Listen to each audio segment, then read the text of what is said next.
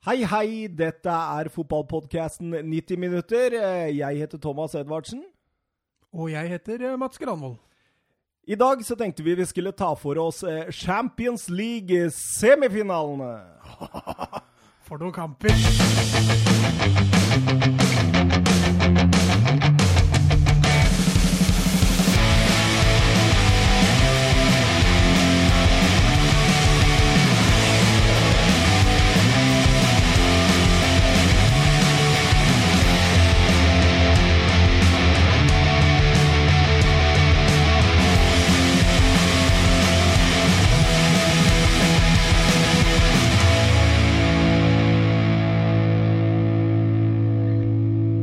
Hei, alle sammen. Hei, hei, Mats Granvold. Hei, hei, Thomas Edvardsen. Hvordan går det? Eh, Strålende. Eh, nå er vi eh, for så vidt ferdig med første del av semifinalene i årets Champions League. Og eh, sånn eh, kort oppsummert, hva tenker du? Det var eh, to veldig underholdende kamper. Veldig gøy å se på. Eh, masse snacks å ta tak i underveis i de, i de kampene der. Og så var det veldig mye fin offensiv fotball. Ja, det var eh, helt nydelig fotball eh, til tider. Eh, det var to veldig forskjellige type kamper. Ja, det er jeg for så vidt enig med deg i. Den, den første var Altså, den første var litt prega av, av skader og, og, hos Tottenham, mens, mens Ajax gikk jo ut i 100. Eh, I Barcelona og Liverpool så var det jo to lag som, som gikk ut i 100, og to lag som var relativt eh, skadefrie. Så det er mye å ta tak i.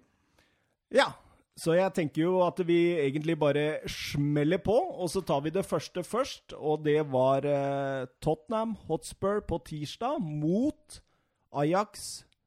Heter det Ajax Amsterdam? Ja. Ja. Eh, kampen ble spilt klokken ni tirsdag kveld eh, på Tottenham Hotspur Stadium, den nye stadion til Tottenham. Og hva er inntrykket ditt om den stadion, forresten? Nei, den, eh, der er det veldig godt liv laga. Når, eh, når Spurs-fansen begynner å synge der, så, så blir det god stemning. Eh, Jeg tror Tottenham-spillere nyter å spille der. Ja, de starta jo egentlig de fire første kampene med fire seire og 8-0 i målforskjell, før de har gått på to blemmer nå, da. Ja, det, det stemmer. det. De, de virka egentlig veldig solide på sin nye hjemmebane, og leverte jo for så vidt en OK kamp mot Westham og, og en god andreomgang mot, mot Ajax, men, eh, men det har blitt to tap de to siste kampene.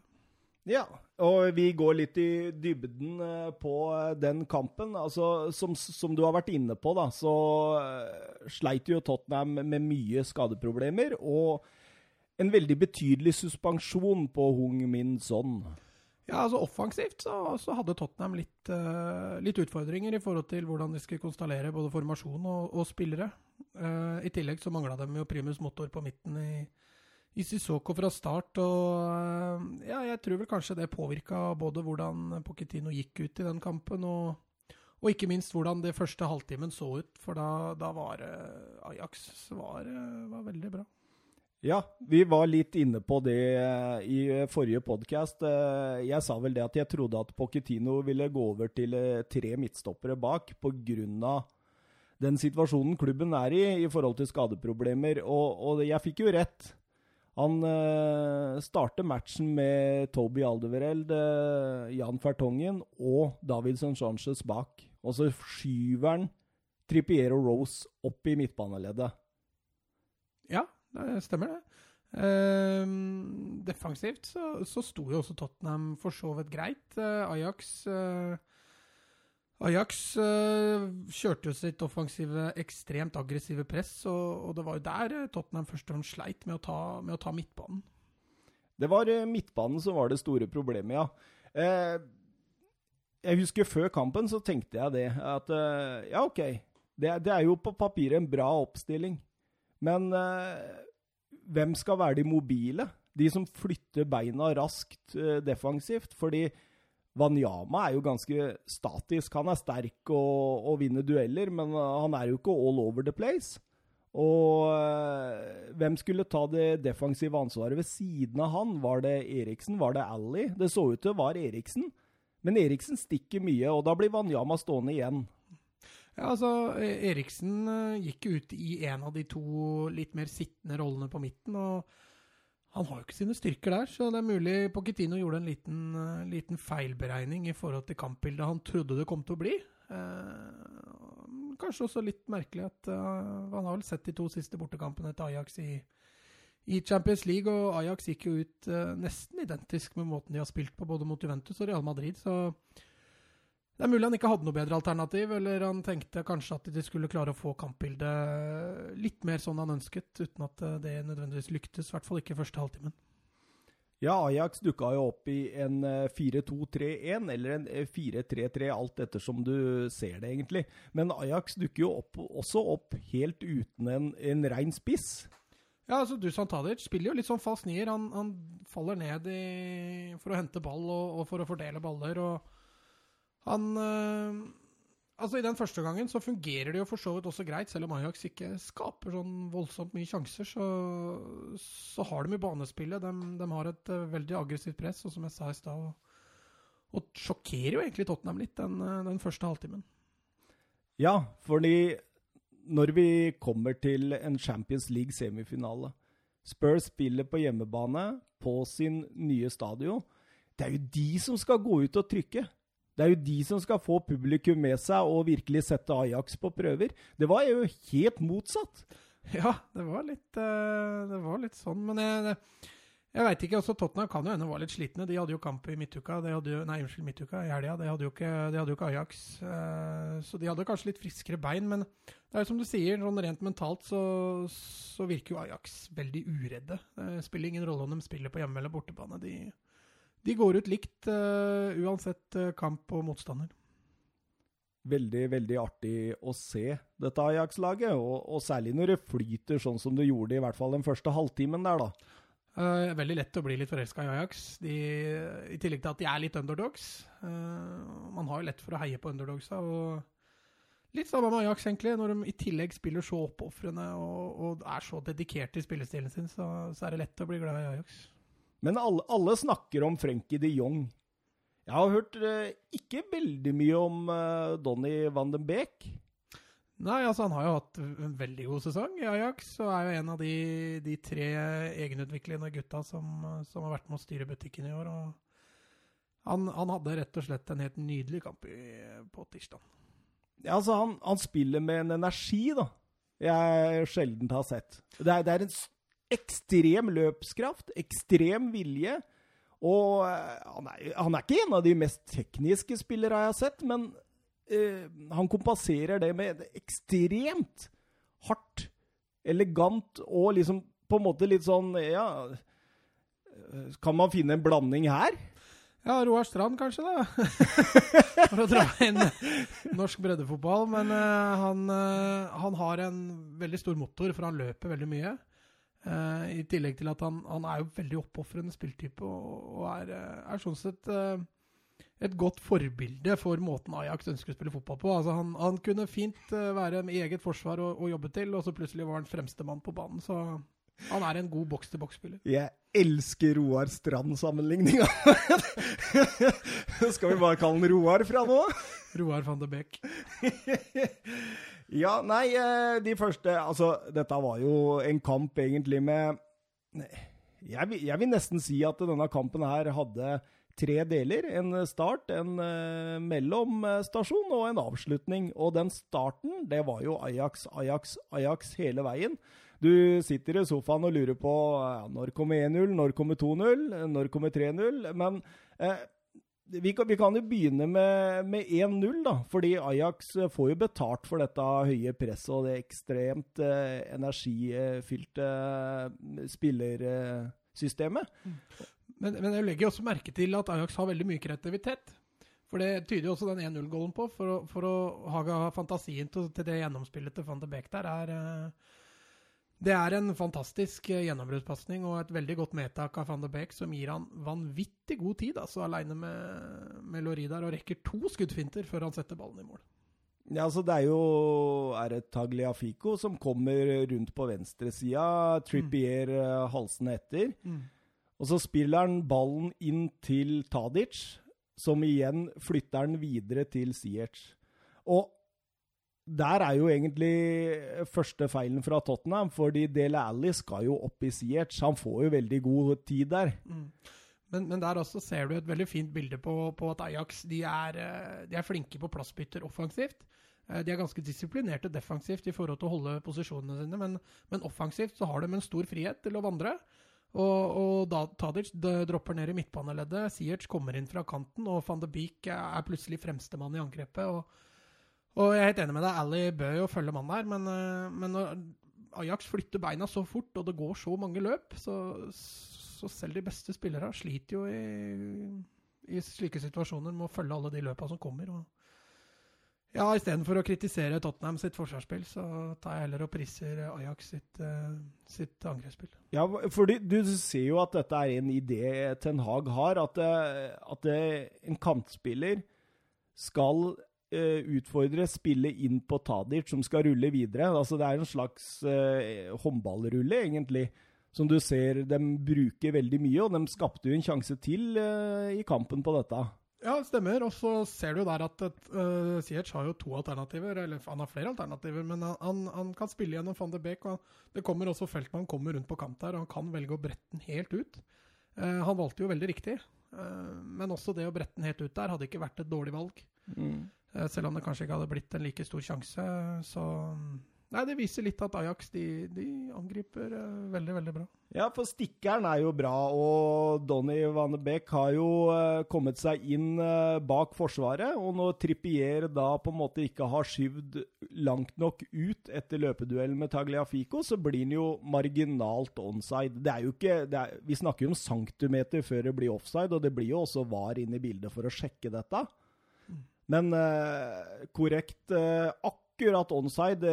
Rett og slett et perfekt løp, da, vil man si. Og han får jo all verdens tid å sette den i hjørnet for Loris der. Ja, altså, Jeg veit ikke om van de Beek eh, kalkulerte det. At han så at eh, Trippier var litt treig med å komme seg ut på sida der. Det ser ut som han bare forholder seg til stopperen. Og, eh, men eh, det er som sagt, som du sier, Trippier som marginalt opphever den, den offsiden.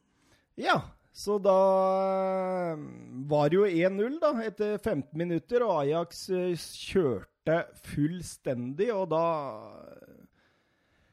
Jeg tenkte jo dette kan bli stygt. Dette kan bli stygt for Spurs. Ja, altså, de, Ajax kjørte jo kampen, og det er som du sa i stad, at de, de, skapte jo ikke noen sånn voldsomt store, mange sjanser. De hadde et nydelig veggspill gjennom der. Eh, Eh, litt etter skåringen, men eh, det er som du sier, Ajax kjørte jo matchen, og Tottenham virka, virka litt sjokkert og, og, sleit litt med å heve seg mentalt og fysisk for å klare å snu det. Ja, de kom ikke oppi, og eh, etter 23 minutter så får de jo en ny stor sjanse, Ajax, med Donny van den Beek igjen. Mm.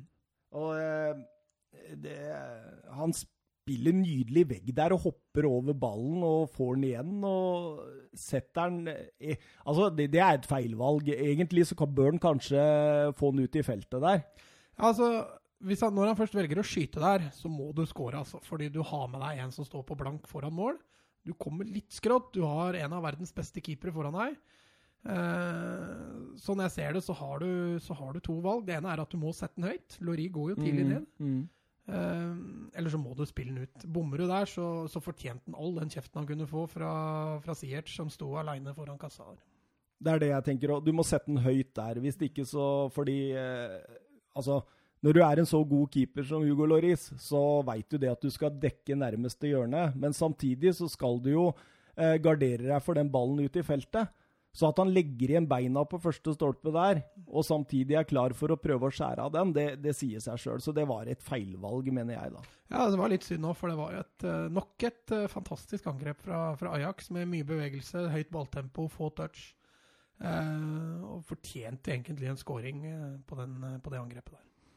Men du Mats, hvis du hadde vært Pochettino i dette øyeblikket her, og uten å være på en måte vi sitter med fasiten nå, hva hadde du tenkt? Altså, Jeg hadde jo tenkt at vi må, vi må få flytta spillet vårt høyere på banen. Uh, Ajax bryter jo gang på gang. Uh, han starta jo med Jorente på topp, uh, som ikke akkurat oser tempo, men han kunne jo brukt Jorente på litt lengre oppspill, bare for å få ballen vi, over de to første pressledda til, til, Ajax, og sånn sett forskjøvet laget etter. Eh, jeg mener jo at det blei litt hell i uhell, den skaden til, til Fertongen. Eh, Mm. Og det så du kampbildet, og at Tottenham gjorde om til eh, fire bak. Og eh, plutselig var, det- var det en jevn kamp ut, eh, ut omgangen. Ja. Eh, Jorente, han eh, Etter 25 minutter så får jo Tottenham et frispark. Trippier legger den nydelig på hodet til Jorente, som header den eh, eh, rett utafor. Det, det var en eh, meget stor sjanse. Jeg sy syns Loris Nei, nei Loris, jeg. Jeg syns Jorente må få den på mål. Han er jo en veldig dyktig hodespiller, så det var litt rart at han ikke makta det. Eh, Jeg tror nok eh, det var nok det han prøvde på. Altså. Ja, det, det er det nok. eh. Men så kommer den som liksom på en måte snur kampen litt, da. Fordi nok et innlegg inn i feltet. Toby Aldevereld og Jan Fertongen går på ballen. De skaller i hverandre. Onana, keeperen til Ajax, kommer ut, setter kneet i ryggen på det. Det var en kaossituasjon. Men eh, det ender jo med at eh, Jan Fertongen eh, får en skikkelig støkk. Altså, Førsteinntrykket fra den duellen er jo at Onana skader dem begge. Så det måtte jo et replay der for å se at Fertongen faktisk skaller med, med Aldevirell der. Men det er litt sånn som keeperne går ut. da. De går ut og løfter kneet for å beskytte, beskytte, beskytte seg sjøl. og den treffer jo Aldevirell i ryggen. Han reiste seg rimelig kjapt igjen, han. Men Fartongen, stakkar, det så, det så Men- ikke bra ut. Altså. Men eh, jeg følger jo også med på Eliteserien, og, og det var en stor diskusjon der eh, for et par runder tilbake i tid, da Vikingkeeperen kommer ut Mm. på den måten og nærmest bokser han eh, godeste Berisha i hodet uten å treffe ball. Onana han treffer jo ball etter Toby, så han setter altså knæra i ryggen på han. Toby treffer ball. Altså eh, Skal keepere få lov å gå ut sånn? Altså, Det er jo litt helsefarlig, men samtidig så, så forstår jeg keeper at de har lyst til å, å, å beskytte seg sjøl litt òg. Men eh, som en gammel angrepsspiller så, så føler man seg ofte urettferdig behandla, for keepere har eh, De er freda, altså. Og det, Ja, altså, Nei, altså, jeg skjønner at vi kan diskutere litt rundt den situasjonen, for uh, Litt sånn som den Berisha-situasjonen med, med Austbø der, så, så kunne, eller burde, det blitt straffe til Viking den gang. Og jeg mener jo at det ikke var straffe denne gangen med, med Onana, men uh, han skal være litt forsiktig der, altså. Ja, nei, jeg sier ikke at det er et uh, klart eh, straffespark, men jeg, det er vel på tide å, å ta den diskusjonen der om hva en keeper har lov til og ikke når han kommer ut i feltet sånn. For han er jo Altså, man snakker jo hele tida at man skal beskytte spillere, av strakt bein, kn vise knotter, sånne ting. Men altså, det å få keeperen i 190 eh, på en sånn måte som det der, der, og som den vi da refererer til i norsk eh, eliteserie. Så eh, altså, du setter jo spillere i fare, i stor fare. Altså I mange av de situasjonene også, så ser jo ikke angrepsspillere at keeperen kommer. Eh, så de, blir jo, de klarer jo ikke å ta høyde for det. Noen ganger så ser du også angrepsspillere bare går i keeperen for å gå i keeperen, og det, det er vel ikke de situasjonene vi snakker om. Men de gangene hvor keeperen kommer ut og, og rett og slett måker ned motspiller for å treffe ballen, så Jeg veit liksom ikke helt hva, vi kan få, hva som kan gjøres med det heller, for keepera må jo ut og bokse dem òg, så Nei, det kommer kanskje ingen vei med den diskusjonen. Nei, nei, vi får se, men uh, det resulterte jo at uh, Jan Fertongen han uh, måtte ut på sidelinja. Han prøvde igjen, men det gikk ikke. Jeg, jeg, jeg, får sånn vondt når jeg ser han nærmest svimer av der og blir løfta ut av banen igjen etter å ha prøvd. Uh, hva er det legen driver med her, tenker jeg. Ja, det jeg tror jeg det var flere som tenkte. Men uh, legen regner jeg med har konfrontert Fertongen og sagt uh, hei, hva er stillinga, hvordan føler du deg, hva ehm, Hvordan er formen? Og Fertongen har nok sagt at stillinga er 1-0 til Ajax, og, og jeg føler meg bra. Jeg vil spille videre. Og legen kjenner nok Jan Fertongen fra før. Dette er jo en Tottenham-lege, så de kjenner hverandre. Og da, da har vel legen tenkt at greit, du får prøve litt til. Ja, de, de fikk eh, kritikk etter matchen, og Pochettino blei eh, konfrontert med det. Og Pochettino sier, vet du hva, jeg er ingen lege. det er legen vår. Han tar avgjørelsen sammen med Jan Fertongen. Så, så det kan godt tenkes at det er Jan Fertongens ekstreme vinnervilje, da. Tenker jeg som på en måte at eh, den har overskygga litt, og at han kanskje har jugd litt, kanskje, til, til, lege? Ja, jeg tror nok han har gjort det. Uh, for Jan Fertongen går ikke frivillig av den banen der. Uh, I en Champions League-semifinale, når du har en vinnerskalle og du, du, føler du blør litt for drakta og sånne ting, så, så er det klart han hadde lyst til å spille videre. Og da må jo legen bare bryte igjennom og si det at hei, du har brekt nesa, du har en hjernerystelse, det er på tide å kalle spade for spade og så sette inn på noen andre. Men uh, han fikk lov å fortsette, og det, det, resulterte i ubehagelige scener, egentlig. Ja, så på grunn av uh, på grunn av uh, den episoden da, og den benken Spurs egentlig har, så ble Pochettino tvunget til å sette inn Moussa Sissoko, og det forandra jo mye av bildet. Han Bytter eh, til fire bak. Sisoko inn i den defensive sammen med Wanyama. Blir mer mobilitet, og de kommer høyere opp i press. Og, og Sisoko tar jo tak med en gang. Ja, altså det, det blei helt avgjørende for Tottenham. Uh, jeg tror, uh, Hvis de skulle fortsatt med tre bak Jeg tror kanskje Pochettino hadde lagt om uansett, ja da. Men uh, det forandra kampbildet ganske mye. Tottenham begynte å vinne midten. Sissoko gjorde jo rett og slett det mannsjobb på midten. Plutselig ble de Jong og, og um, de Jong og Lasse Schøne smågutter igjen. Og ja, Tottenham fikk initiativet tilbake og uh, Nei, det var litt hell i uhell, rett og slett, den skaden til Fartongen, at de uh, fikk tilbake initiativet. Eller fikk litt initiativ. Ja, og da går vi til pause med 0-1, og uh, man har, uh, sitter jo og er ekstremt imponert over det Ajax-laget og tenker det at uh, Spurs, nå er det ille ute å kjøre. Uh, annen omgang den begynner jo egentlig som uh, første omgang slutta. Spurs uh, fortsetter å, å, å, male, og Del Alli begynner å vise seg fram, faktisk. Han var jo helt borte i første omgang. Ja, både Ally og Eriksen, vil jeg si, eh, begynte å få, begynte å få mer ball på motstanders banehalvdel. Og det, det er to kreative, gode fotballspillere som, som kan skape noe. Eh, og det, ja, det ble nok mye artigere å være Tottenham-spiller i andre omgang, for da fikk de trille mer ball på motstanders banehalvdel. De eh, klarte å skape litt mer, i hvert fall framover. Og mye av det er pga. at Sissoko legger jo, legger jo grunnlaget på midtbanen. Men det blir nesten. Nesten hele veien. Det, er, det, er ikke, det, er, ikke, mange store sjanser vi snakker om her. Det er vel, det er vel ingen store sjanser? Nei, men det også altså Hadde de hatt Kane eller sånn på topp der, så tror jeg det hadde vært uh, Jeg tror det hadde vært uh, litt mer eh, toneangivende for Tottenham også. De, de mangla spissen sin, rett og slett. Ja, de gjør det. De mangla både den beste kontringsspilleren og den beste avslutteren og den som kommer seg i de posisjonene. Så det er klart det at uh, for Ajax så det jo, var det jo et veldig godt tidspunkt å møte Spurs på. Ja, utvilsomt. Uh, Tottenham uten Kane og sånn uh, mangler en del offensivt, altså, selv om de har tilretteleggerne med, med Eriksen og, og, for så vidt Ally også, men, uh, men de mangler et avslutterne.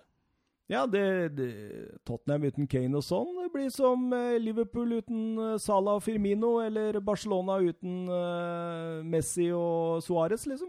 Så, så brutalt er det egentlig. Ja, jeg er enig med deg. Eh, men eh, Tottenham trykker. Sissoko har tatt eh, kontroll over midtbanen. Og, men den største sjansen kommer i 77. minutt, og det er Ajax som får. Det var jo en strålende kontring. Eh, jeg tror vel hvis, hvis, Tottenham drar dette i land med en 1-2-seier i, i, Amsterdam, så tror jeg nok Neres kommer til å ja. Den, Være den, relativt misfornøyd eh, med den eh, der. Men, eh, men, han gjør egentlig en veldig god avslutning, og ja Det er nok en hånd, håndballrulle? Ja, altså det er en veldig fin opprulling av en kontring. Denne gangen en kontring. Ja. Eh, hvor de starter på høyre og ender opp helt over på venstresida. Boneres eh, er ganske aleine. Og hvem er det som spiller han fram der? Er det Huntelar som, som slipper han helt ut? Det Nei, var, det er Tadic, altså. Det er Tadic, ja. ja. Men det er uansett en veldig, veldig godt angrepsspill. og du ser, du ser uh, ideen til Ten Hag der. altså, så Rulle opp via Tadic. Tadic er jo veldig god på det også, å skaffe seg litt rom og så spille uh, videre og finne ledige spillere. Så han har en klar eh, formening om hvordan han skal bruke Tadic i den falske nieren. Ja, altså det som er, er bra med Tadic òg, det så du også i, imot Real Madrid, hvordan han, han kan både tre gjennom lagkompiser, og han kan avslutte sjøl. Og det gjør at forsvarsspillere er nødt til å ta høyde for uh, det som der og da er det mest farlige, og det blir å tette igjen og blokkere skudd. Og da blir det litt mer plass til kantspillere, og denne gangen var det Neres som fikk ballen. og Det er litt synd at det ender i stanga. Ja, så kampen eh, ender eh, til slutt da 0-1 til Ajax. Pochettino får kritikk i ettertid av både Glenn Hoddle og Gary Lineker, to store klubblegender der. Han får kritikk fordi han starter med tre bak når Ajax egentlig ikke spiller med noe spiss. Ja, til dels er jeg enig med den, med den kritikken, men det er som vi snakka om tidligere, at uh, når Tottenham mangler litt uh, Det mangler litt offensive bidragsytere, så har jo Pochettino litt lett for å for å ty til det med å spille med tre stoppere, men man forstår litt kritikken når, når, Ajax er så god til å rulle opp angrep og bruke bredden fra ene til motsatt side. og da ja, fordi når de bruker den bredden, Mats, da må jo Trippier og Rose dekke de romma, og da blir de jo hele veien i undertall på midtbanen. Det, det, det var kampbildet de første 30 ja, minutta. Ja. Eh, også I tillegg så ender det opp med at Tottenham ofte da spilte med fem bak. og Det gjør jo veien lengre fram eh, enda lenger. og Nei, det var eh, Jeg føler litt at den kritikken var, var, var riktig òg. Men, men hva er alternativet til Pochettino da? Fordi da må du jo, hvis du skal gå over til firer bak, så må du jo Da må du bruke en spiller som Oliver Skip, da, for eksempel, eller Erik Dyer, som har vært ute i, i tre-fire måneder nå, eh, og spilte et hardt London-derby tre dager før. Eh, hadde han noe valg? Uh, man har vel alltid et valg, men uh, å være etterpåklok, sånn som vi sitter her nå, sånn som Glenn Hoddle uh, satt i går, så, nå, så, er det lett å kunne si at ja, han burde gjort det sånn som han gjorde det. Men vi veit jo at Sissoko antakeligvis ikke hadde holdt 90 minutter, så at han starta på benken var jo, var jo for så vidt greit. Og den elveren Tottenham mønstra fra start, det var ikke noe dårlig lag. Og nei, det er, det er ikke så lett for oss som sitter her og kunne, eller det er lett for oss som sitter her å kunne fortelle hva som burde vært. ja, og Pochettino, jeg så et intervju med en med, i, i, Sky rett etter. Han eh, snakka mye om dette om energi. At eh, det var vanskelig å finne den rette energibalansen i kampen. At spillere var litt sånn trøtte og stive i kroppene fra starten av etter det tøffe London-derbyet. Han eh, innrømmet også for så vidt, han ble konfrontert med det Hodl og Lineker sa, og han innrømte at det kan ha vært en feil fra han. Men, eh, men samtidig så sier han at eh, men hva kan man få gjort sånn i ettertid? Man må se på det. Og så så, så han på returoppgjøret som helt åpent. Han ja, altså Ajax hadde jo en fordel med at de ikke spilte kamp, uh, kamp helga før. De hadde hatt en uke hvile. Tottenham hadde hatt tre dager hvile. De, uh, Tottenham mønstra i tillegg et ganske sterkt lag mot, uh, mot Westham. Og, og det så du jo i hvert fall første halvtimen, at det var mye mer energi i, i det Ajax-laget. Og ja. Men jeg tenker vi Før vi før vi tar en liten sånn uh, Hva kommer til å skje i neste kamp? Hva tror vi? Så, så må vi ha noen ord om eh, de tre Golden Boys på Ajax. Altså, da tenker jeg på De Ligt, De Beek og De Jong. Ja, altså gjelder den kampen her, så, så Altså, De Ligt i den andre omgangen er jo Det er solid! Ja, det er vanvittig bra. Altså. Han, uh, han, 19 år, captain! 17 år da han var captain for uh, Nederland.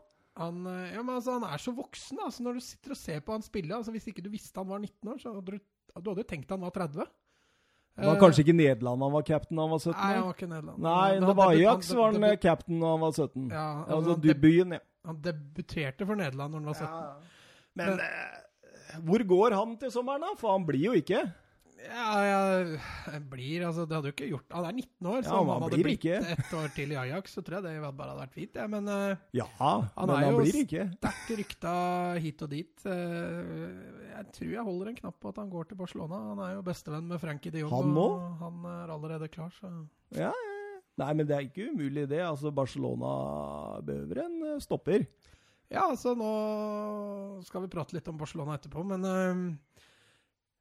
Piquet er jo 32 år, og, og Lenglet er jo ikke, er jo verdens uh, Er jo ikke en av de beste stoppere i verden, og Umtiti ryktes jo bort, så at det likt uh, kan komme inn og være framtida der, det Jeg tror han passer bra inn der òg, så Nei, det blir veldig spennende å se til sommeren hvor han, hvor han ender.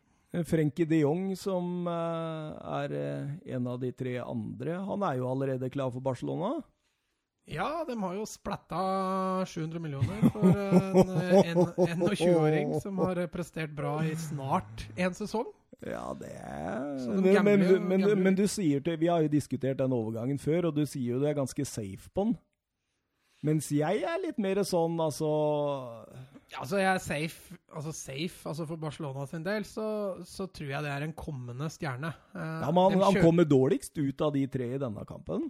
Ja, altså Første halvtimen syns jeg han er fantastisk. Ja da, han finner rom og han, han, styrer mye av spillet til Ajax den første halvtimen, men så kommer jo, som vi også snakka om, Sissoko inn og Han, han og spiser den litt? Han, han, tar den litt, og så får han kjenne litt på hvordan det er å spille mot voksne folk. Mm. Men eh, du ser jo i spillet til de Jong måten han eh, dekker ofte de riktige rommene. Han slår sjelden feilpasninger. Han, han, løper mye. Han er relativt kreativ, og kommentatoren sa det underveis at han, han er liksom ikke ordentlig definert ennå som midtbanespiller. Nei. de Jong, og Der tror jeg Barcelona kan bruke litt tid på å forme han, og da, jeg tror han kommer til å bli en uh, stor spiller. Altså. Ja, det blir, gøy, det blir veldig gøy å se. Men uh, banens beste, da, i mine øyne, uh, det er Ja hvis vi skal gi sånne poeng, da, sånn tre poeng til banens beste, to til altså sånn som de gjør i avisen og sånt, fantasy. og litt sånn fantasy-opplegg, ja, så, så, vil jeg gi tre poeng til Donny van den Beek. Jeg vil gi to poeng til Moussa Sissoko, selv om han bare spilte en halvtime, fordi han gjør en forskjell. Han kommer inn der og eier midtbanen. Han spilte vel mer enn en halvtime? Nei, altså Fertongen går jo ned etter 30, og så tar det jo fem minutter før han Ja, nei. Altså 60 blir det, da. Fytti herregud. Hele andre omgang er oi, oi, oi, oi, oi, oi, oi. Og nå kan jeg ikke skylde på at det er seint utpå natt heller, Mats!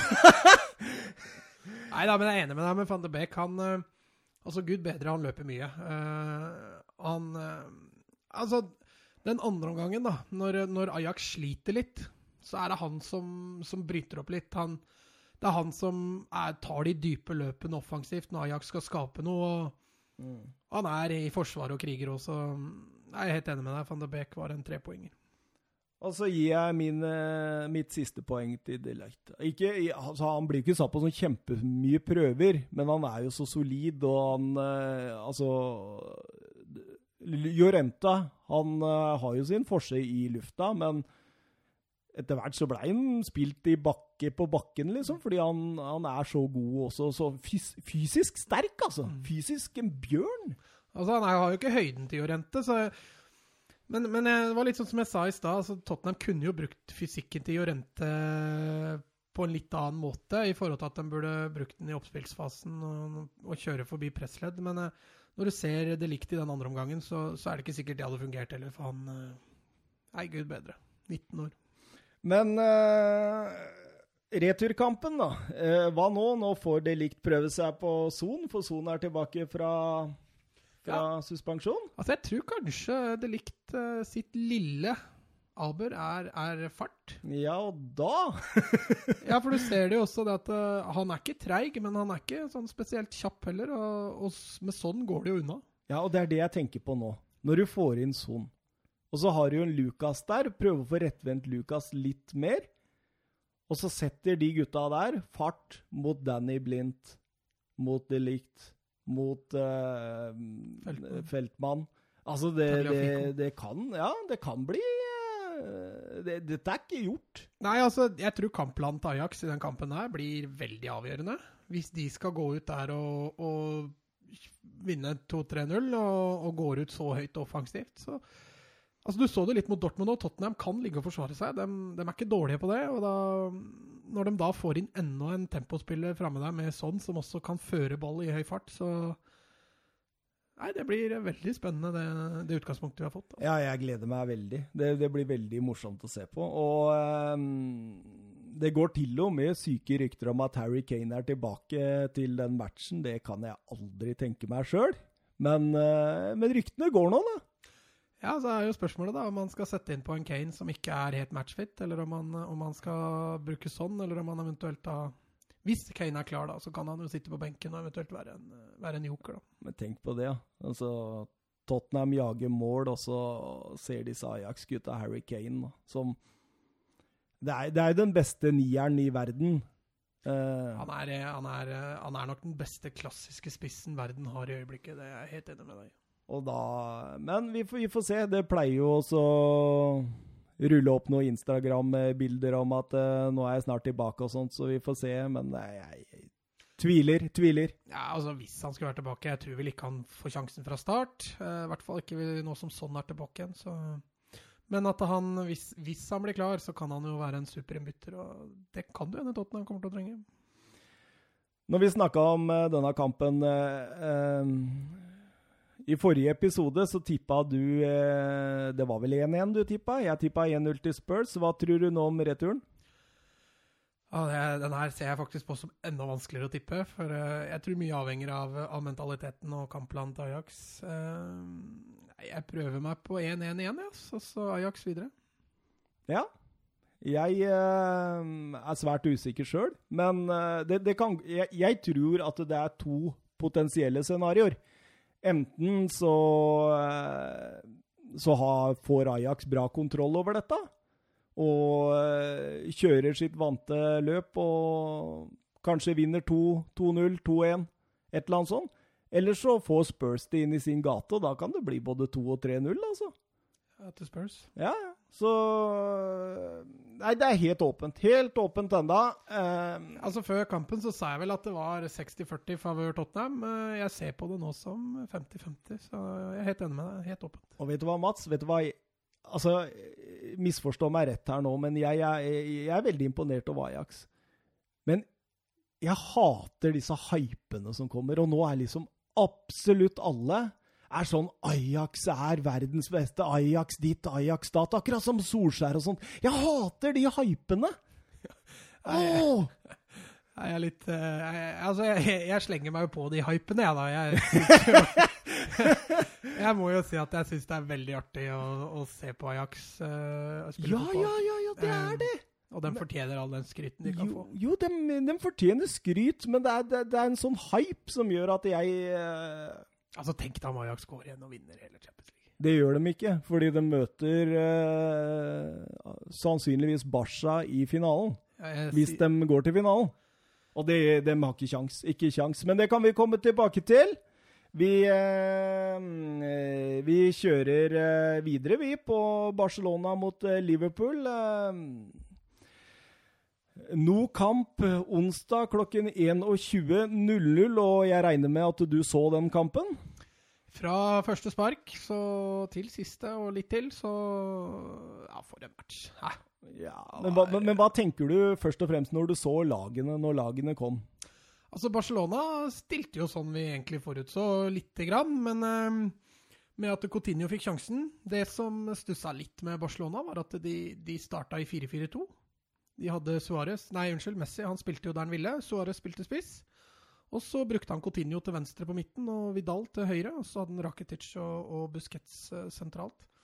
Det er å ta hensyn til Liverpool. Det er helt og... riktig. De, de tok rett og slett hensyn til Liverpool og, og viser litt kynisme. Og er litt overraska over at han, han valgte å ta hensyn rett og slett til Liverpool på kamp nå. Ja, men uh, Altså Når det gjelder Liverpool sin startoppstilling uh, Firmino ute er et blow. Det er klart det, det Og han brukte jo så lang tid på å bytte han inn, så det er tydelig at han er eh, et stykke unna kampform. Uh, men han fikk jo noe med det òg, da, når han kjørte Vinaldum inn som, som en midtspiss. Og det var jo at han Liverpool fikk jo midtbanen fra starten av, egentlig, og fikk kontrollere ballen overraskende mye til å være på, på Barcelona sin hjemmebane. og jeg tror det var litt av eh, tanken også med å bruke Vinaldum eh, som spiss. Han hadde jo også Rigi som et alternativ fra start, så lenge Firmino ikke kunne starte, men han, han valgte en midtbanespiller på topp. og det, Jeg tror hensikten var at Liverpool skulle rett og slett kontrollere ballen mer, Og egentlig en veldig offensiv tankegang altså av, av Klopp, med tanke på at de spilte på kamp nå, og egentlig ikke har noen forventninger om å verken underholde eller, eller skape altfor mye. Jeg blei eh, veldig overraska når jeg så at det var Vinaldum som gikk inn i den eh, falske nieren. Fordi jeg, var nesten overbevist om at eh, Salah skulle ha den høyre som han da hadde. At det var Mané som skulle inn som midtspiss. At han kjørte Keita på venstre, sånn som han gjorde mot Manchester United. Eh, i den kampen som resulterte i at Mourinho fikk sparken i sin tid. Da, da fungerte jo det veldig bra. Eh, men Keita lå bak i treeren og, og Vinaldum. og det, det, er jo åpenbart for å stoppe Busquets, som vi diskuterte om eh, før kampen her. men så, så, du blir jo styrka defensivt, men uh, du blir jo svekka offensivt. For Vinaldum var jo en fiasko offensivt, mener jeg, da. Ja, altså Vi er litt uenige der, når vi satt og prata sammen. Jeg eh, syns jo altså det at Vinaldum spilte Jeg er altså for så vidt enig i at han ikke var, var en eh, spiss uh, type ute på banen og som skapte veldig mye. Men det faktum at Vinaldum gjorde den jobben han gjorde der, gjorde at Liverpool kunne holde mye mer i ball. Uh, Liverpool kunne styre mer av kampen. Uh, så jeg jeg tror Klopp ser på det som en, som en liten suksess, i hvert fall, med, med Vinaldum som, som midtspiss. Ja, jeg er som sagt usikker, for jeg tenker det at uh, de mangla litt uh, grann løpskraft på midten, og at Vinaldum står for mye av løpskrafta. Han uh, står for mye av gjenvinningene, og når til og med da um, man måtte gjøre et bytte og få inn Henderson der, så får du to veldig like spillere på midten i Henderson og Milner. I, som eh, Altså, jeg, jeg, tror da at uh, Vinaldum uh, Han Jeg veit ikke om han kommer på årets lag, men jeg tror det faktisk. At han kommer på Han, han har vært fantastisk i Premier League på den uh, midtbanen der, og da skyver han opp der. Jeg tror jeg heller ville gått for, for Mané som midtspiss. Mané har vist over mange kamper at han takler den rollen også. Så ja, men det, det, blir jo en vurdering, og, og, og, og som du sier, det, det, var jo ikke helt feil, for de fikk jo stoppa Busquets. Eh, og han står jo for mye av oppbygningen i Barca. Ja, altså han er jo, han er jo hjertet, spesielt i frispillinga til Barcelona. Så, så, er jo han eh, genial eh, i forhold til det. og Han skal ha mye ball når Barcelona spiller seg ut. Uh, det blei totalt fraværende, og konsekvensen for Barcelona av det blei jo at de, de greide jo veldig sjelden til å spille seg ut sånn de ønska. Ter Stegen måtte slå ofte langt. Uh, og i duellene der oppe så var jo Suárez uh, barnemat for Matip og, og, og van Dijk. Og, ja, altså Liverpool kontrollerte jo store deler av den kampen. Og det, det jeg, jeg, var også svært overraska over at de ikke brukte Altså Når de først skal bruke Gomez, så har jo Gomez vist seg å være veldig mye bedre som midtstopper enn som høyreback. Og når de har da en så god høyrebekk som uh, Trent Alexander Arnold, som har en fantastisk fot, også på dødballer. Så, uh, så skjønner ikke jeg helt hvorfor ikke de spilte på den måten der. Og ja. jeg, jeg, tror det gikk litt på, på, på å holde balanse i laget. Uh, Arnold er jo helt klart bedre offensivt enn det Gomez er, men jeg tror også Gomez Jeg tror han tenkte litt at å ha en, nesten en tredje stopper bak der uh, det, det, gir litt mer trygghet i, i laget. Mm. Selv om jeg er helt enig med deg at uh, offensivt så burde jo Arnold uh, ha spilt. Men kampen, da. Eh, det starter jo egentlig veldig som vi forutser. At, at man prøver å ta hverandre i ubalanse hele veien der. Spille unna første pressledd, fordi begge laga pressa veldig høyt. Ja, altså det var litt, når vi diskuterte i forrige episode, så, så sa vi at dette blir gøy hvis, hvis begge laga kjører på og vil. Uh, og det var jo sånn det begynte. Ja, ja. Uh, og det blei jo en veldig gøy fotballkamp også, med, i starten i hvert fall, når det bølga veldig fram og tilbake. Liverpool uh, er jo veldig farlig i bakrom når Mané og, og, um, og Salah kommer inn bak bekkene, for verken Piquet eller Lenglet har jo fart. Og det, det, så du jo gang, eller i hvert fall ikke gang på gang, men med jevne mellomrom at i hvert fall Mané fikk rettvendt seg inn i bakrommet, og da, da blir det jo farlig.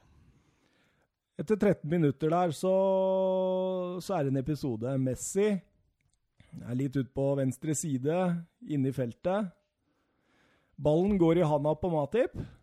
Eh, jeg har sett at det har blitt dømt straffe før. Og jeg har også sett eh, altså mildere hens blitt dømt straffe etter VAR.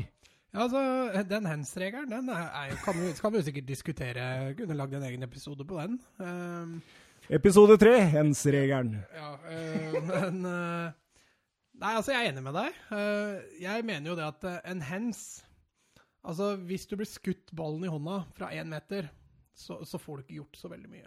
Men hvis du drar fordel av en hands, så bør dommeren ser på det. Hvor stor den fordelen eventuelt Og så hvis han altså styrer ballen, sånn som jeg syns han gjorde det her For du ser at han styrer eh, ballen med hånda litt. Ja, altså for sånn det ser ut på den reprisen, når du ser tett der, så ser det ut som at Matip får en kjempefordel ved å bruke den hensen. Eh, Messi er jo på vei forbi og, og treffer hånda, og hadde ikke han hensa den ballen, om han gjør det med vilje eller ikke, det, det, det er det ikke så lett å vite, men eh, ja, nei, det kunne, kunne ha blitt straffe. Jeg tror ikke, jeg hadde ikke reagert så veldig, hadde det blitt straffe i hvert fall. Nei, absolutt ikke. Og, Men du hadde jo en straffe i motsatt ende der òg, som eh, Ja, den også ja, er jo er veldig tvilsom. Ja. Men eh, 25 minutter, da kom målet, da. Ja, det var en veldig fin skåring òg. Eh, Alba var, eh, litt, var ganske så genial, den pasningen til Suárez. Og så kan vi jo diskutere litt uh, Men det er løpet her, da. det er det dype løpet der. Men, altså Van Dijk har vært eh, bunnsolid i hele år, men der eh, syns jeg rett og slett ikke han følger skikkelig med.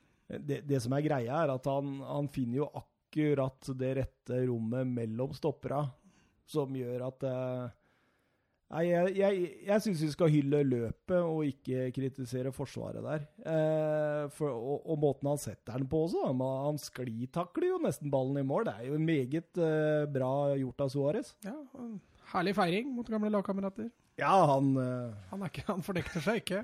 Nei, men det, akkurat det der, der syns jeg nesten er litt dumt. Har du, er, det, er det fem år siden du spilte i Liverpool, så feir. Ja, for all del. Jeg, jeg syns det er tullete. Altså, jeg, altså, Én ting er hvis du er en klubblegende og har spilt der i 14 år og øh, står med 400 mål og 600 assist, så er det greit å ta det litt med ro når du scorer Mm. mot gamleklubben. Mm. Men, øh, men jeg tror ikke, tror ikke Suárez er en klubblegende i Liverpool, sånn ekte i hvert fall. Og feir i vei. Ja, altså Målet prega jo på en måte ikke kampen. Det fortsatte jo på en måte veldig samme tut og kjør, og Altså, jeg er for så vidt enig med deg at, Liverpool fortsatte, i hvert fall. Uh, men Men det ble ikke noe skudd på mål. Det ble ikke noen store sjanser ut av det. Noen, Jo, Mané hadde jo en kjempesjanse. Ja, stemmer, stemmer, stemmer. Uh, eh, fantastisk gjennomspill av Henderson, og Salah har øyer i nakken, så han dukker der så ballen får gå gjennom. og uh, Mané skyter over fra, fra straffemerket, men, eh, men bortsett fra det så, så blir det ikke skapt noe all verdens store sjanser. Uh, Rakitic blir jo, vegger seg jo gjennom den ene gangen der, og han i motsetning til, til eh, til, ne, nei, unnskyld, til van de Beek i Ajax, som prøvde å skyte sjøl, så prøver Rakitic å sentre, eh, Mm. som blir blokkert. Men eh, det ble ikke skapt noen sånn voldsomt store sjanser etter målet. Og, men jeg følte Liverpool styrte kampen. og ja, Liverpool var gode. Ja, jeg syns det. Liverpool overraska veldig. Men, Ikke eh, overraska, men eh, Men høydepunktet for meg da, det kom etter 43 minutter, da Milner tar hevn på Messi.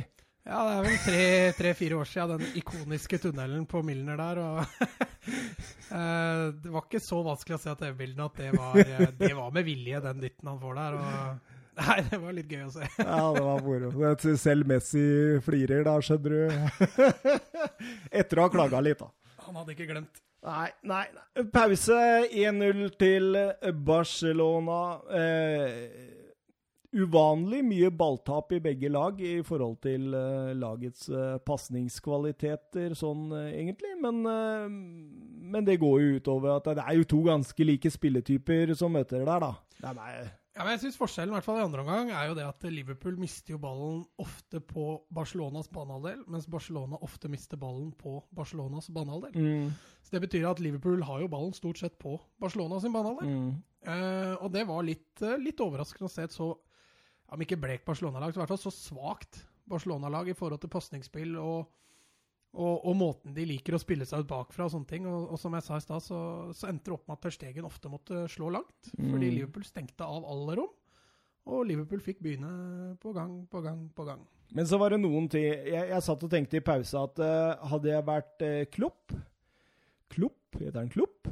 Ja, uansett. Hadde jeg vært Jørgen Klopp, så hadde jeg i hvert fall eh, bedt uh, dem bruke Mané, og at Mané hadde kunnet utfordre Roberto i mye større grad. Altså oftere, mer, fordi han hadde Mané hadde kontroll på Roberto.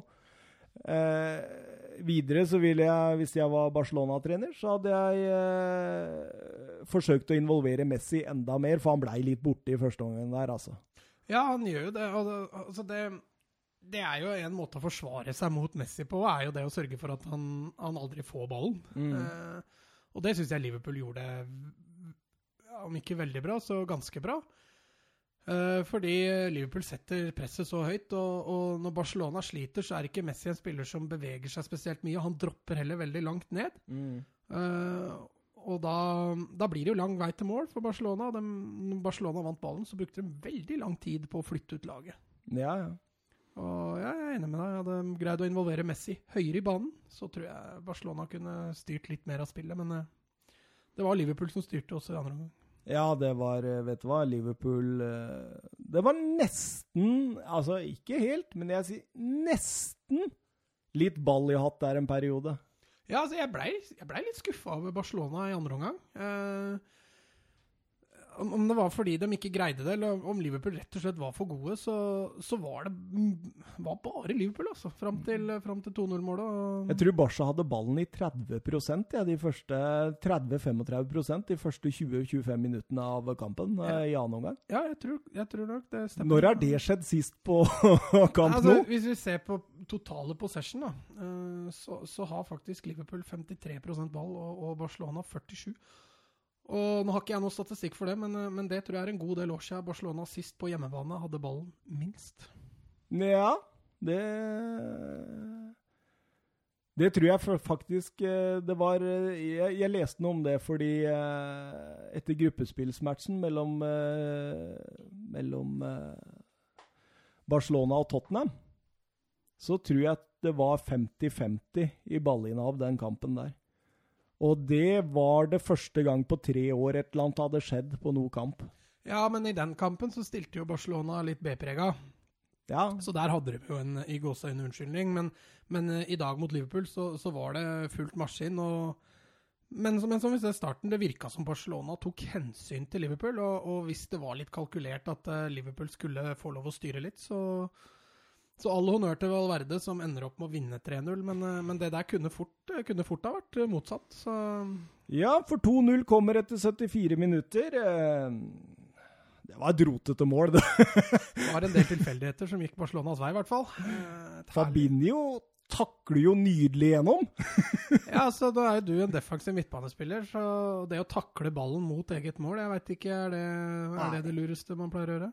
Det virka litt panikk der, for det var jo Messi da, som kom seg løs og satte fart rett på. Jeg tror han bare tenkte 'her må jeg stoppe den'. Ja, det var nok det han tenkte òg. Eh, men det blei jo en nydelig gjennombruddspasning til, til Roberto, som ja, som igjen krangla han videre til, til Suárez. Eller krangla han videre, det var vel ikke med vilje, den pasningen heller. Nei, det der var mye rot. takla videre, og så Suárez som avslutter med kneet i, i tverrliggeren. Det var komikveld, men det blei 2-0. var Og Messi på returen der. Ja, det var litt klovner i kamp. Og, men øh, men øh, igjen da, så kan vi kanskje snakke litt om forsvarsspillet der. Van Dijk er jo treig i avtrekkeren når, når, det, når Messi kommer. Men det er klart, Messi kommer i fart, og van Dijk står rolig. Så selv om van Dijk hadde fulgt med, så er det ikke sikkert han hadde vært først på den ballen allikevel. Nei. Eh, nei, det var et rotete mål, men eh, Og hadde jeg hatt noe Liverpool-sympatier i meg, hadde jeg vært veldig skuffa på det tidspunktet der. Ja, det er vanskelig å være uenig i det, tror jeg. Men, øh, nei, altså, det, det, altså Når du har verdens beste fotballspiller på laget, Mm. så trenger jo ikke han så mye plass. Og, og når du slipper han til innenfor inni for femmeteren, så blir det jo stort sett mål. Og Eh, det verste er at jeg satt med en litt følelse av at uh, nå er det jaggu typisk om Barcelona setter 2-0, for nå, nå har Liverpool styrt alt i hele andre omgang. Altså, Barcelona har, var nesten Mm. ikke i nærheten av 16-meteren til, uh, til Liverpool. Og, Ja, det var en kamp med, mm, som inneholdt verdens beste fotballspiller mot verdens beste stopper. Og verdens beste fotballspiller, han vant. Ja, altså, Vi sa jo i forrige episode spennende å se om Messi greier å drible van Dijk. Uh, men det tror jeg ikke han gjorde. Nei, det tror jeg ikke. Jeg tror ikke han greide å drible den, men, men når Barcelona vinner 3-0 og Messi har skåra to mål, så er det vanskelig å ikke si noe annet, i hvert fall. da. Ja, så tenkte man 2-0. OK. Liverpool ett mål der nå, så blir det helt åpent eh, på Ja, Anfield. Jeg syns jo den mentale i Liverpool må jo være ganske bra, fordi jeg syns den fortsatte. Ja, ja. Eh, De, de neste minuttene også, så, så var det Liverpool. De fortsatte akkurat der de slapp. De, de virka ikke påvirket av at eh, Barcelona leda 2-0. De, de fortsatte, og Og så kommer 3-0. da kom 3-0, da. Det, Og det er jo det frisparket, den scoringen der. og setten der altså, altså det, Enten så skulle muren tatt, Ja. eller så skulle keeperen tatt. Men han setter den akkurat der han behøver, i akkurat så stor fart han behøver. Men, men det jeg syns vi kan ta en liten diskusjon på der, er jo Står den muren riktig? Nei, det gjør altså, den ikke. den, altså, når du skal da møte en spiller som antageligvis er en av verdens beste frisparktakere, og han er i tillegg skeivbeint, Mm. som gjør at muren da, når den dras for langt da til venstre for keeperen, Mm. så blir jo skruen for Messi at han kan bende den rundt muren. Mm. Eh, og da ikke sette sånn at det står én mann utafor stanga. Ja. Jeg, jeg syns det virka veldig urutinert av, eh, av Liverpool. Og, og Messi Jeg tror han ser det. Jeg tror han prøver på det. Mm. Uh, og, og du ser også på Alison. Han står nesten midt i mål. Allikevel så rekker han altså ikke bort til ballen. Uh, og det tror jeg er litt fordi han, han, han ser ikke ballbanen fra starten av. Det er fordi jeg tror den muren står rett og slett dårlig plassert. Altså. Men uh, før vi trykka på record her, så hadde vi en liten diskusjon. Uh, og det, det er jo litt sånn typisk Thomas mot Mats-diskusjon, da, hvor uh, Fordi i forkant av denne 3-0-skåringen, så Og jeg har ikke lest mange steder at det har blitt kritikk blant det, men jeg synes at det ikke er frispark, og det er ikke gult kort til Fabinho, fordi Messi konstruerer hele frisparket. Han kommer imot der, han spiller ballen, og han veit at det, hvis jeg løper på Fabinho der, så får jeg frispark. Eh, Fabinho han gjør jo nesten ikke annet enn å ta ett steg litt til side. Det må han jo få lov til. Det er Messi som går inn inn. Det er Messi som hopper inn inn, og Messi har til og med armen sin oppe for å beskytte seg sjøl. Altså, for meg så er det konstruert. Det er ikke frispark. Sånn skal ikke fotballen være. At spillere skal få lov å bestemme i, så, i enkelte situasjoner at der vil jeg ha frispark, og da får jeg det. Sånn skal det ikke være. Nei, men, men eh, for, min, for meg så virker det som et soleklart frispark. For han, eh, Fabinho er, han er veldig bevisst på det han gjør, sånn jeg ser det. Han, Ja, men eh, det han- er Messi òg. jo, jo, men, han- men han ser Messi komme. Han tar et skritt til sida. Han, han går rett og slett inn i løpebanen Ja, men til Messi. han, skrittet er ikke så stort at Messi ikke ville komme bort inn uansett. Nei, men hvis, Messi, hvis han ikke hadde tatt det skrittet, så hadde Messi smøtt i forbi den. Og det er klart, når Messi Nei, han, han ville jo fortsatt vært borti den. altså Grunnen til at Messi løfter opp armen, er jo fordi han ser at han kommer inn i Men Man hopper jo opp. Ja, det er for å unngå å bli tråkka på. Nei, det der, der det, altså, For meg så er det Altså, det, gule, det gule kortet kan vi godt diskutere, men frisparket, frisparket for min del er, er soleklart. Nei, det jeg, jeg er i hvert fall veldig uenig i det. Fordi jeg syns at når spillere konstruerer frispark, når de bestemmer seg på forhånd at der vil jeg ha et frispark, og så skaffer jeg meg bare det frisparket, så mener jeg med det ikke skal være frispark. Selv om det er frispark. Ja, men det, Jeg, jeg syns ikke det er frispark, for ett sted må Fabinho få lov å stå. Jo, men han, han flytter han, han er, det, er jo ikke, det er jo ikke sånn i fotballen i dag at, uh, at uh, nå må jeg stå stille, hvis ikke så feller jeg Messi. Han må jo få lov å bevege seg etterpå. Messi har ikke ball, han setter fart, han. Jo, jo, men det er det som heter obstruksjon, da. Når du flytter deg Ja, inn i da, ballbanen. jo, men da mener jeg at den, da må det være mye klarere enn dette. Da må eh, angripende spiller bli åpenbart hindra fordi han vil forbi. Der vil Messi inn i Fabinho. Ja, nei, altså, jeg, jeg tror ikke han vil inn i Fabinho. Eh, det lille skrittet du prater om, er jo ikke så lite. Eh, jeg, er så lite. jeg syns eh, Altså, Fabinho eh, jeg, For meg ser det ut som han gjør det med overlegg og vilje, og tar den fellinga mest. Men dette er jo litt typisk meg og deg, da. Og i forhold til eh, det synet vi har på fotball, og vi er på en måte mest Hva kan du si har mest diskusjoner på Fordi eh, du er jo litt mer den eh, La Liga-typen, på en måte, som eh, Søramerikaner. og Ja, og jeg er litt mer engelskmann, ikke sant. Jeg er litt mer sånn eh, Det skal være hardt, det skal være brutalt, det skal eh, smelle, det skal være fair. Eh, og man skal spille med, med åpne kort, og ikke prøve å lure noen. Ja, og det er jeg for så vidt enig i at man ikke skal Ja, Men du er litt mer kynisk. eh, prøve å lure noen. Det, det er ikke Ja, men det er jo det Messi gjør! Han Nei. lurer Nei, dommeren jeg, er jo, jeg er jo helt uenig med deg, fordi Fabinho han konstruerer jo dette sjøl. Han, han går jo inn i løpsbanen til Messi. Å, jeg elsker dette!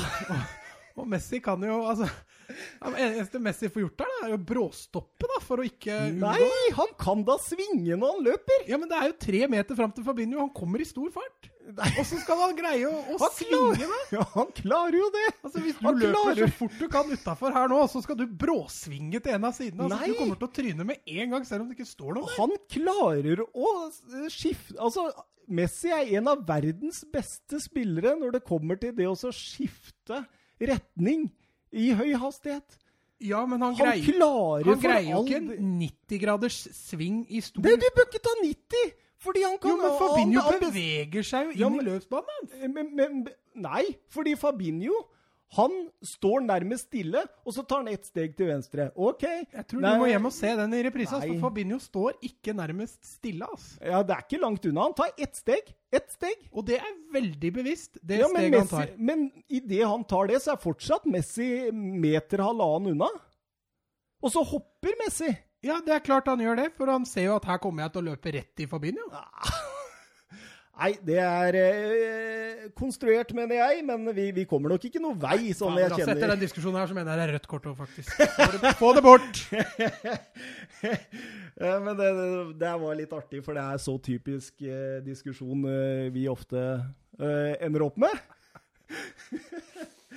Eh, Men etter 3-0 da, og den fantastiske frisparket, så, så det- syns jeg Barcelona er nærmere både fire og fem. Ja, det, det, den skåringen den påvirka Liverpool. Eh, da var det, da så du at eh, fader, det her er ikke meant to be, rett og slett. Tror jeg Liverpool-spillere har tenkt litt. og Lufta gikk litt ut av dem, og så gjorde de noen offensive bytter der, og da ble det jo kjemperom for Barcelona og country. Ja. Og uh, Dembélé, avslutninga hans, hva tenker du? Den, eh, det er, eh, det er, tynn, det er tynn suppe. Han, eh, der har han jo tid til å stoppe ballen og ta to-tre skuddfinter. Hadde det vært van de Beek, så hadde det stått 4-0 der. Det er ikke ofte vi kan sitte og si uh, i en semifinale i Champions League at uh, det der kunne jeg gjort bedre.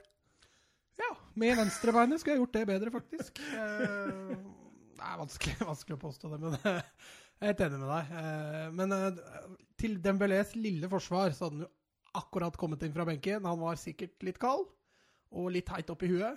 Eh, og Nei, vi kan jo også nevne den sjansen Suárez hadde rett før.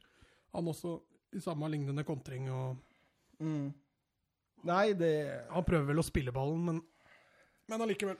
svakt, Men på 3-0 da, Mats. Hva tenker du? Returen, Anfield Nei, altså, Halmstrået til Liverpool her er jo det Barcelona gjorde i fjor. Eh, leda 4-1 etter kamp nå mot Roma, og Roma er ikke noe Liverpool.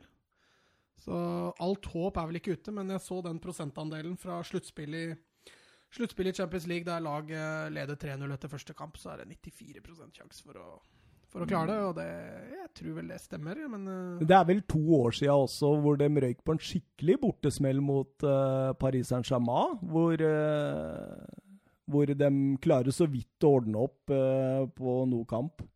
Ja, det var vel i åttendelsfinalen, eh, hvor Ja. de surra det til. Tapte 4-0 på, på Parta Prince. Så det, det- det, ligger jo i Barcelona-genet å tape stort borte i Champions League, da. Altså Barcelona har ikke vært noe De har aldri vært noe stort bortelag i Champions League, og i hvert fall ikke i sluttspillet. Eh, Altså, det er Men- men- håp for Liverpool-supportere enda? Ja, ja, det er jo det. Det er jo håp. Uh, og jeg ville jo blitt veldig overraska hvis Liverpool går ut på der og legger seg død. Uh, Nils Arne Eggen sa vel 'It's hope in a hanging snore'. ja, men altså, Det blir jo litt sånn samme som med kampforløpet, eller kampbildet der òg. Altså, hvis Liverpool går ut sånn som de gjorde på kamp nå, og skulle få et tidlig mål, så vil jo Fishing snore der, altså. er det ikke det han gjør, altså? Fishing snore. Ja, nei, men eh, det, Ja. Altså, det er tidlig mål som gjelder. Eh, og så få satt eh, Barca litt under eh, press og fått skremt dem litt. Det er jo det det går på her nå, fordi Ja, altså, så er det jo det med at Barca da helst ikke skal skåre òg, da. Eh, ja, For da er det kjørt. Skårer Barcelona, så må jo Liverpool ha fem. Og det, det tror jeg blir eh, hardt, selv om eh, flere anledninger hvor Barcelona faktisk har sluppet inn eh, fire mål. Men jeg tror det blir en ekstremt morsom match. Liverpool må framover. Barca har eh, kontringsstyrken og Messi. Det, det kan jo ende i 3-3, 4-4. Altså, altså, jeg tror vel også Det spørs da når eh, lufta i ballongen eh, Altså, nå fikk jo Coutinho muligheten uh, mot Liverpool uh, i går. Uh, jeg tror faktisk Dembélé bør få muligheten mot Liverpool, ene og alene pga. tempo og fart. Ja. Eh, Coutinho ble jo bua av eh, banen. Ja, men han var dårlig.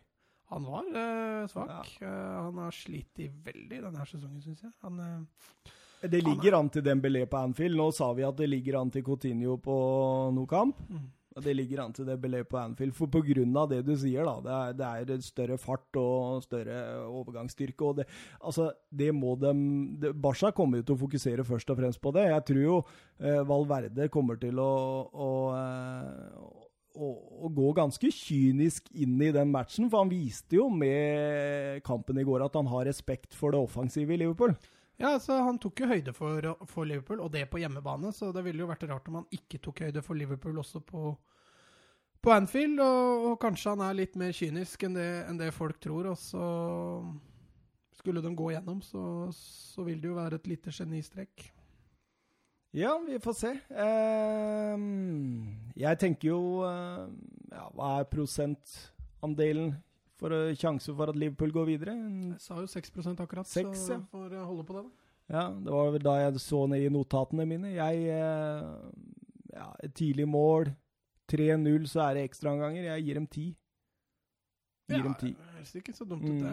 Eh, nei, altså, tipper resultatet i den kampen der blir jo vanskelig, for det Det, det spørs helt hvordan det Ja, ja. Men jeg husker jo Vi får ta i bruk den eh, sånn som Barca gjorde det mot Bayern for uh, tre år siden, vel? Når de, nei, unnskyld. Når de, uh, fire år siden når de vant sist. Hvor, uh, hvor Barca vant først 3-0 på hjemmebane og, og spilte 2-2 på Allianz Arena. Så jeg tipper 2-2. Men vi snakka om at i forrige episode at Ronaldo hadde nådd en liten milepæl når det kom til antall skåringer, klubbskåringer. Messi hadde seks, har 600 nå for Barcelona. Hva tenker du? Ja, I mine øyne så er han tidenes største. Eh, det er klart, Nå husker ikke jeg Pelé. Husker litt Maradona, men eh, i min tid så, så kan ikke jeg se at det har vært noen som ja, egentlig har vært i nærheten av Messi. Han, han Det var hans første mål mot Liverpool. Ja, stemmer. I Ja. hans tredje kamp. Så Ja. han, eh, han Men han har spilt to kamper mot Liverpool tidligere. Eh, Ja, det var jo, det var jo Bellamy-greiene. riktig, eh, Golfepisoden. med eh, Som var forrige kampene. Så han har ikke spilt ofte mot Liverpool, men Nei da. eh, Nei nå har han to mål på tre kamper, så statistikken ble jo drastisk forbedra i går. Men han har jo mange mål, da. 25 mål mot engelske klubber nå. Ja. Arsenal har han jo skåra ni ganger på seks kamper, så det er favoritt, en av favorittmotstanderne. Men det ligger litt i korta, da, med tanke på Arsenals defensive Det er en stund siden de har møttes nå, da, men, eh, Ja. Men han, han trives jo også egentlig ganske godt mot, mot engelske lag i Champions League. Han skårer eh, mye, og 600 mål på 14 år, var det vel? Var det ikke det de Ja, eh, ja. sa nå, at det var på dagen 14 år siden forrige første mål hans? Så Så det du sier, er at han ville vært ganske god i Premier League også? ja, jeg tror det. Verdens beste fotballspiller ville nok gjort det greit der. Veit aldri hvordan det er en kald vinternatt i Stoke on Trent, vet du. Nei, men Stoke spiller jo championship, og der tror jeg ikke Messi gidder å spille. Nei, for der hadde Messi vært veldig god. ja, Der han rulla.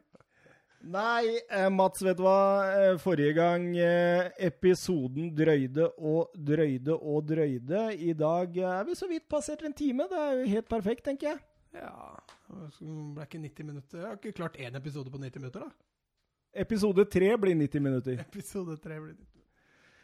Jeg tror vi bare sier det sånn, ja. Altså, helt åpent uh, i Amsterdam uh, neste uke. Barca store favoritter uh, til å gå videre på Anfield. Ja, enig. Ja. Så Gjenstår det vel egentlig bare å si ha det bra. Og nyt fotballhelga. Og veldig hyggelig at akkurat du hører på. Ja. Det syns jeg er veldig morsomt. Eh, gjerne kommenter og, eh, på sosiale medier. Vi er jo kommet inn der, Mats. Visste du det? Ja, jeg så du hadde organisert uh, Ja da, ja da, ja da. Vi har jo åtte følgere på Instagram, oh, jo, jo, jo. og jeg tror vi har én eller to på Twitter. I alle. Ja, men så har vi 100, 100 likes eller litt mer på Facebook-sida vår, da. Det er ikke gærent. Det, det- er- det er 99 mer enn jeg trodde, faktisk. Ja, men det er jo stort sett folk som gir sympati til oss, som vi Ja, kjenner, ja, tror jeg, sant, sånn foreløpig. Men vi håper da at dette vil øke litt, og etter hvert så vil vi jo drasse inn noen gjester her også.